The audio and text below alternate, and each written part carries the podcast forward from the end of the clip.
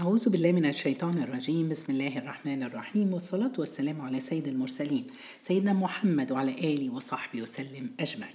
يوم جديد في رمضان. اللهم تقبل منا صالح أعمال اللهم ارضى عنا جميعا يا رب العالمين.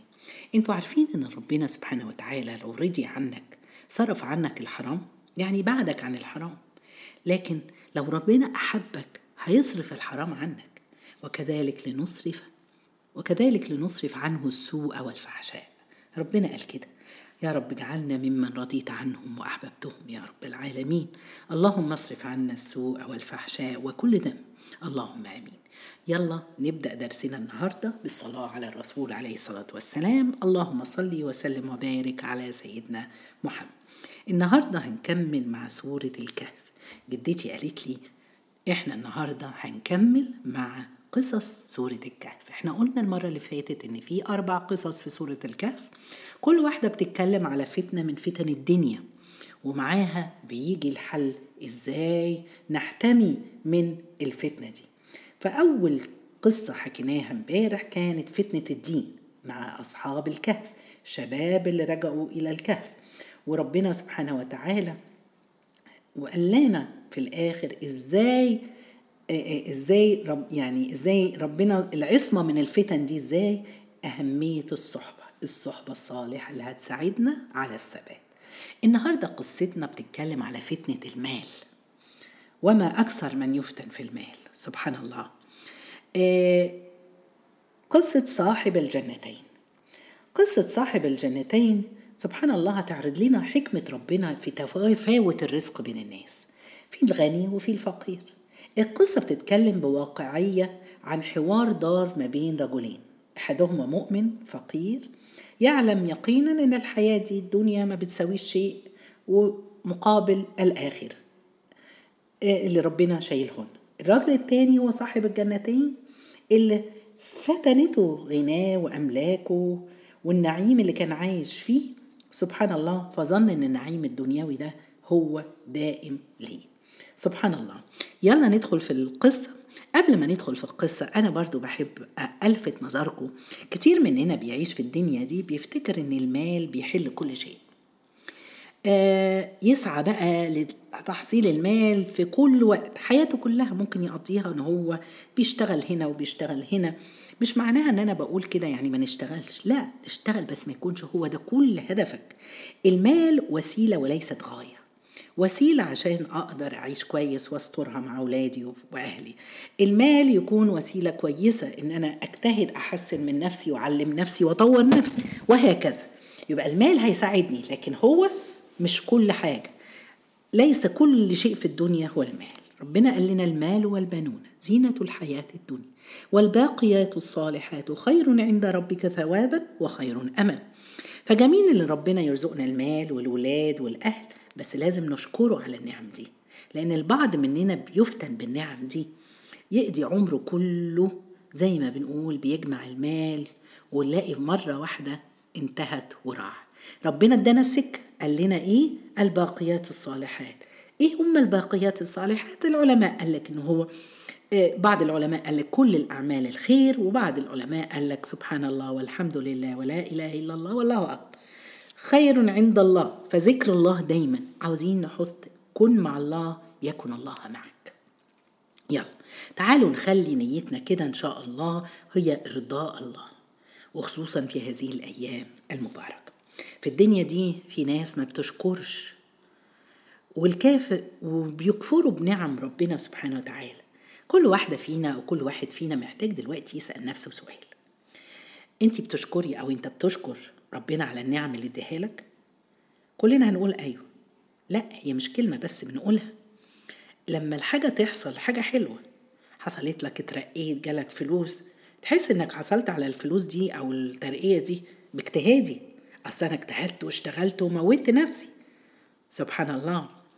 آه تعبت كتير قوي عشان أجيب. لا الأول قبل ما أفتكر آه إحنا اجتهدنا. ولكن أول حاجة بقول إنها نعمة من عند ربنا. كان ممكن أجتهد وربنا ما يوفقنيش ليها. كان ممكن أجتهد سبحان الله ويحصل أي شيء وما أخدهاش. لكن دايما لازم أذكر نفسي إن أنا يعني كل دي من عند الله. ودي قصتنا النهاردة بتدور على فتنة المال. يلا نبتدي. ربنا بيقول سبحانه وتعالى في سورة الكهف آية رقم 32 ومن هنا بتبتدي قصة صاحب الجنتين ربنا بيقول واضرب لهم مثلا رجلين جعلنا لأحدهما جنتين من أعناب وحففناهما بنخل وجعلنا بينهما زرعا. ربنا بيضرب المثل. سبحان الله جميل قوي الشيخ الشعراوي كان بيقول واضرب لهم مثلا. يعني عارفين ليه أضرب لهم مثلا سبحان الله الضرب ده زي ما لما حد يجي يضربك يعني بينبهك كده. لو انت كنت نايم هتصحى لو غفلان هتركز. وربنا بيقول يعني اسمعوا هيضرب المثل دوت. والمثل دوت سبحان الله لما ربنا بيضرب الأمثال في القرآن عشان يقربها لعقلنا ونقدر نتخيلها أو نشوف إنه في ناس تانية مرت بالظروف نفسها اللي إحنا بنمر فيها. طيب إيه هي قصة الرجلين اللي كانوا؟ يقال تفاسير مختلفة كانوا من بني إسرائيل يقال إنهم أخين أو يقال في أقاويل أخرى إنهم صديقين. بغض النظر آه، في الأقاويل اللي قالت إن هم أخين واحد مؤمن وصالح اسمه يهوذا وواحد تاني مش مؤمن يعني ويعني يمفت يعني اتفتن في الدنيا دي اسمه براتوس. آه سبحان الله أبوه مات ورثوا منه 8000 دينار. براتوز اللي هو أخذ المال واشترى أرض وبستان وربنا هيوصف لنا شكل الأرض دي. الآخر لا أخذ فلوس وتصدق بيها قال لك أنا عاوز أبني أرض في الجنة. تصدق بيها الأخ بنى قصر الأخ قعد يتصدق ويعطي من ماله. آه، أوعوا يا جماعة النعمة تشغلنا في الدنيا دي عن المنعم. وصف لنا ربنا إنه عنده جنتين. الآية اللي بعدها 33 ربنا بيقول آه، آه، إن هما واضرب لهم مثلا رجلين جعلنا لأحدهما واحد منهم عنده جنتين من أعناب وحففناهما بنخل وجعلنا بينهما زرعا كلتا الجنتين آتت أكلها ولم تظلم منه شيئا. سبحان الله. وفجرنا خلالهما نارا. شوفوا وصف ربنا. عارفين يا جماعة بالظبط أكن مثلا كاميرا فيديو بتوصف لنا الجنينة دي أو الحديقة دي أو العزبة دي زي ما إحنا دلوقتي بنقولها شكلها إيه؟ سبحان الله في حديقتين كبيرتين مزروع فيهم نخيل وأعناب وفي وسطهم نهر. فالري حتى ذاتي مش منتظرين المطر. كانت الجنتين دول بتطرح ثمار أحسن شيء. سبحان الله. هندسة زراعية. ربنا بيكمل بيقول لنا إنهم كانوا حففناهما بنخل كان حواليهم نخل زي ما يكون عملوا سور من النخل حواليه مصدات للهواء والريح.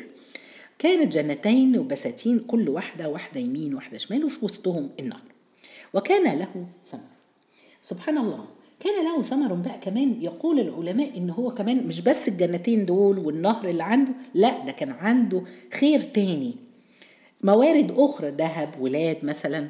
فقال لصاحبه بعد كده ربنا هيورينا الحوار اللي هيدور بين الأخين أو الصاحبين. قال له إيه؟ فقال لصاحبه وهو يحاور يعني حصل حوار ما بينهم هما الاثنين بيتكلموا. أنا أكثر منك مالا وأعز نفرا. يعني أنا أكتر أنا عندي مال وعندي جاه سبحان الله. آه يعني الغني نسي إن هو الله هو المعطي وهي دي ال ال ال يعني مفتاح كل شيء. إذا أعتق الله ده فضل من الله. يريد عاوز يشوف تصنع إيه فيها؟ اوعوا ربنا يدينا وننسى إن المعطي والمنعم هو الله. ودخل جنته وهو ظالم لنفسه. دخل بقى وكمل. لما شاف الجنة والثمار قال إيه؟ ما أظن أن تبيد هذه أبدا. دي جمل جميلة قوي وبتطرح نكر النعمة سبحان الله والمعصية إن هو مش بس كده هو شايف إن هي يا سلام الجنة بتاعتي دي مش هتروح ابدا. وبعد كده وما أظن الساعة قائمة ولئن رضيت إلى ربي لأجدن خيرا منها من قبل. ده سبحان الله ساعات المعصية بتجيب معصية. الفخر والكبر خلاه حتى يتكلم وما فيش نهاية دي قاعدة أبدية. وكمان الساعة لن تقوم. أهي دنيا بس. سبحان الله. ولو رددت إلى ربي لأجدن خيرا منه. لو زي ما أنت بتقول في آخرة كمان ربنا هيديني أحسن منها كمان. سبحان الله. فصاحبه رد عليه قال له صاحبه. وهو يحاوره. يعني ما تعصبش عليه ما قالوش إيه الكلام اللي أنت بتقوله. ودي طبعا بنتعلم في القرآن أسلوب الدعوة. ودي محتاجين نتعلمها لأن كثير مننا مش طريقته فيها جفاف وخصوصا لما بيتعامل مع حد ممكن كافر ممكن مش مؤمن باللي هو بيقوله. فهنا قال له إيه؟ أكفرت بالذي خلقك من تراب ثم من نطفة ثم سواك رجلا؟ أنت كفرت بربنا سبحانه وتعالى؟ الأصل سبحان الله وفكروا أنت أصلك إيه؟ خلقك من تراب إحنا ولا حاجة. ثم نطفة. بيفكروا أنت بدايتك إيه أصلا؟ سيدنا آدم من تراب وبعدين أنت من نطفة. أصبحت رجلا. كبرت ودلواك وسواك ثم سواك رجلا. سبحان الله. لكنه الله. ربي. ولا أشرك بربي أحدا. فقال له بس أنا أنا غيرك. أنا مؤمن بربنا سبحانه وتعالى وما بشركش بيه. سبحان الله يا جماعة لو نظرنا للأخ أو الصاحب المؤمن ده إزاي رد عليه وبالأسلوب؟ شوفوا يا جماعة بقناعة وبالراحة. مش عاوزين حد يدعي على حد. ساعات الناس بنلاقيها بتدعي على واحد بيعصي ربنا أو عنده مشكلة في العقيدة بتاعته. أوعوا ندعي على حد. إحنا ندعوه بأسلوب مهذب.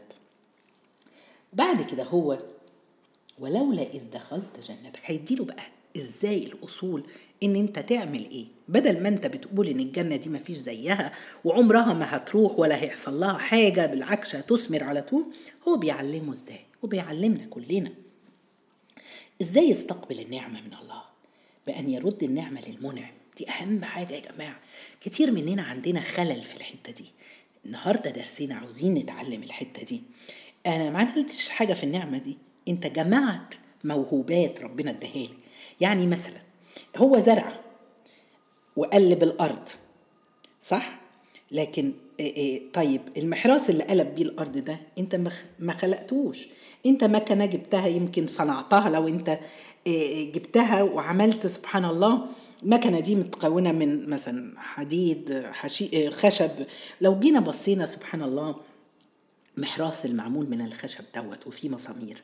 لو رجعنا نشوف أصل هذا الشيء هنلاقي ينتهي إلى العطاء الأعلى اللي هو من عند الله لو انت قاعدة على كرسي كرسي ده مين اللي صنعه نجار نروح للنجار عملت الكرسي ده إزاي؟ قال جبت خشب جبته منين؟ قال لك من الشركة الفلانية رحنا للشركة جبته منين؟ قال لك استوردته استوردته من كندا مثلا نروح لكندا الشركة اللي هناك جبتيها منين؟ قال لك من الغابات حيث من أين هنسال الغابة جبتيها منين؟ سبحان الله هو عطاء من الله سبحانه وتعالى يبقى اللي عاوزين نركز عليه إن أي نعمة عندنا سوف تجد من الأصل إنها من عند الله. يبقى كان الواجب لما يدخل جنتك وترى النعمة أمامك علمه بقى تقول إيه؟ ولولا إذ دخلت جنتك قلت ما شاء الله لا قوة إلا بالله. يبقى السر إن إحنا لما ندخل جنتنا أو نشوف النعم والخير اللي ربنا اداها لنا نقول إيه؟ ما شاء الله لا قوة إلا بالله. سبحان الله يا جماعة. آه الرسول عليه الصلاة والسلام قال ما قيل عند نعمة ما شاء الله لا قوة إلا بالله ما ترى فيها آفة إلا الموت. حرستها لما قلنا كده بما شاء الله لا قوة إلا بالله. هو ده اللي هيحفظ النعم وعشان كده عاوزين نتعود عليها. لما نشوف ولادنا ونفرح كده بيهم قبل ما تقولي شاطر وجميل تقولي ما شاء الله لا قوة إلا بالله لأن الإنسان ممكن عينه غصب عنه يحسد ابنه ولا يحسد نفسه فدايما عاوزين نتعلمها. ما شاء الله لا قوة إلا بالله. هو كده ربنا علمها لنا. بيحكي الشيخ الشعراوي إن, إن الإمام جعفر الصادق قال إن النفس البشرية لها تقلبات شت يعني ساعات تخليه تعيش كده خايف أو تصحى عندك هم كده على قلبك وساعات يجي لك غم من غير ما أنت تعرف إيه السبب. مرة يخاف من حد يأذيه. وحالة تانية مثلا الحالات إن أنت عاوز الدنيا دي وعاوز ربنا يرزقك فيها. إدانا السر. السر فين؟ سبحان الله. كل حاجة في كتاب الله. بيقول الإمام جعفر عجبت لمن خاف ولم يفزع إلى قول الله تعالى. حسبنا الله ونعم الوكيل. عاوزين نقف هنا. شوف بيقول إيه, إيه إحنا خايفين ليه؟ خايفين على ولاد خايفين على مال خايفين على شغلانة. بيقول لك لمن عجبت لمن خاف ولم يفزع. فزع. يعني قوم أنت على على طول. هتقول إيه؟ حسبنا الله ونعم الوكيل. قوله فيما بعد سمعت الله عقبها يقول فانقلبوا بنعمة من الله وفضل لم يمسسهم سوء واتبعوا رضوان الله والله ذو فضل عظيم. تعالوا نشوف هو برضو الإمام هنا بيقول لك من شدة صفائه واستقباله لكلام ربنا فإني سمعت الله. عقبها يقول أكن هو ربنا بيكلمه هو بيقرأ القرآن وهو فاتح قلبه ربنا بيقول لي إيه؟ كأن الله معاه وبيسمعه وهو بيتكلم. طيب آآ آآ يبقى ربنا سبحانه وتعالى هو هنا بيقول لنا الإمام جعفر الصادق لو خايف من حاجة أكثر من حسبنا الله ونعم الوكيل. لأن ربنا قال لنا قال إيه؟ كأن الله يتكلم معه وقال إيه؟ فانقلبوا بنعمة من الله وفضل لم يمسسهم سوء. خلاص يبقى نكثر من حسبي الله ونعم الوكيل. لما نبقى خايفين بعد كده الإمام قال إمام جعفر قال وعجبت لمن اغتم اللي عنده غم وهم ولم يفزع إلى قول الله تعالى لا إله إلا أنت سبحانك إني كنت من الظالمين فإني سمعت الله بعقبها يقول فاستجبنا له ونجيناه من الغم. ده مش بس سيدنا يونس في بطر الحوت لما قال هذا الدعاء لا ربنا كمل وكذلك ننجي المؤمنين. يعني أي واحد فينا يبقى أول حاجة لما تحسي بحزن وخوف حزن تقولي إيه؟ خوف قصدي؟ تقولوا إيه؟ حسبنا الله ونعم الوكيل. لما نحس بغم نقول لا إله إلا أنت سبحانك إني كنت من الظالمين. ووصفة الثالثة لمن مكر به. خايف حد يأذيك. خايف مش هيقدر يواجه الناس يفزع إلى رب الناس ويقول وأفوض أمري إلى الله. إن الله بصير بالعباد. فإني سمعت الله بعقبها يقول فوقاه الله سيئات ما مكروا. أوعى تخاف من حد حواليك. قولوا وأفوض أمري إلى الله. وبعد كده آخر حاجة اللي يريد الدنيا وزينتها زي ما كلنا عاوزين زي هذا الرجل. سبحان الله اللي أي واحد فينا عاوز الدنيا واللي فيها قال عجبت لمن طلب الدنيا وزينتها. كيف لا يفزع إلى قول الله تعالى ما شاء الله لا قوة إلا بالله. فإني سمعت الله بعقبها يقول إن ترني أنا أقل منك مالا وولدا. فعسى ربي أن يؤتيني خيرا من جنتك. هو ده اللي قاله له أخوه أو صديقه المؤمن. لو أنت شايفني أقل منا من مالك وولدك يمكن ربنا عسى ربي أن يؤتيني خيرا من جنتك. سبحان الله يديني. ما شاء الله لا قوة إلا بالله. صفات الأربعة دي يعني لو الإنسان والأدعية دي كلها افتكرها وقالها والله ربنا هيكرمه. سبحان الله. آآ آآ فيصبح سعيد بعد كده هو ربنا بيكمل لنا وبيوصف إن بعد ما هو قال له إن أنت لازم تقول ما شاء الله وعسى ربي أن يؤتيني خيرا من جنتك ويرسل عليها حسبانا من السماء. فتصبح صعيدا زلقا. ممكن ربنا يضيع لك السماء دي حسبانا. سبحان الله بيقول لك حاجة ترسل عليك صاعقة نزلت عليه. سبحان الله. صعيدا زلقا سبحان الله صعيدا. يعني تبقى تراب. زلقة يعني متزحلق. عارفين يا جماعة لما الأرض كده تبقى مطينة وتيجي تمشي عليها تتزحلق؟ فيعني حتى ما تقدرش تدخل جنتك. سبحان الله. أو يصبح ماؤها ماؤها غورا. المية حتى بتاعتها ما تعرفش تجيبها فلن تستطيع له طلبها. وأحيط بثمره وفعلا حدث ذلك. فأصبح يقلب كفيه على ما أنفق فيها وهي خاوية على عروشها. سبحان الله. الصاعقة نزلت. حرقت كل الثمار. وأحيط بثمره ربنا ما كدبش الرجل والسماء حصل ليه أهلكها. وأخذ الرجل يضرب كف على كف. سبحان الله زي ما إحنا لما بتشوفي حاجة تقولي تبقي مش عارفة إزاي. فأصبح يقلب سبحانه يقلب كفيه على ما أنفق فيها وهي خاوية على عروشها ويقول يا ليتني لم أشرك بربي أحدا. دلوقتي فاء يا ريتني ما كنت شركت بربنا ولم تكن له فئة ينصرونه من دون الله وما كان منتصر. فيش حد يقدر يعمل حاجة أمام أمر الله سبحانه وتعالى. هنالك الولاية لله الحق. كل شيء هنالك في اللحظة دي وفي الحالة دي الولاية لله وحده. لما يريد قم امرا يقول له كن فيكون. الولي اللي بينصرنا. سبحان الله. وانتهى. ربنا بعد كده بيقول لنا واضرب لهم مثل الحياة الدنيا. هي دي بقى. حياة الدنيا كماء أنزلناه من السماء فاختلط به نبات الأرض فأصبح هشيما تذروه الرياح. وكان الله على كل شيء مقتدرا. ربنا هو القادر على كل شيء. إيه الدروس اللي هنتعلمناها من الدرس دي؟ أول حاجة إن فتنة المال النجاه منها إن تكون عن طريق معرفة إن الدنيا دي فانية. فلا نتغ... نتعلقش بيها.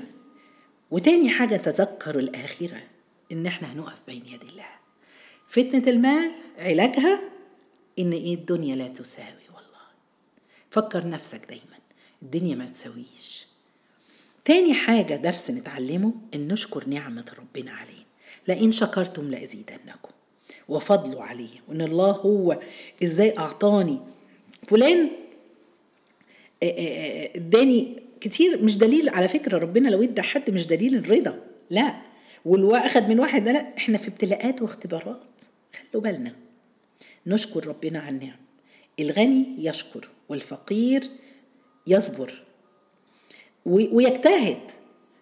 لا يكون هناك مثقال كبر عند واحد فينا. اوعوا نعم دي جاية من عند الله.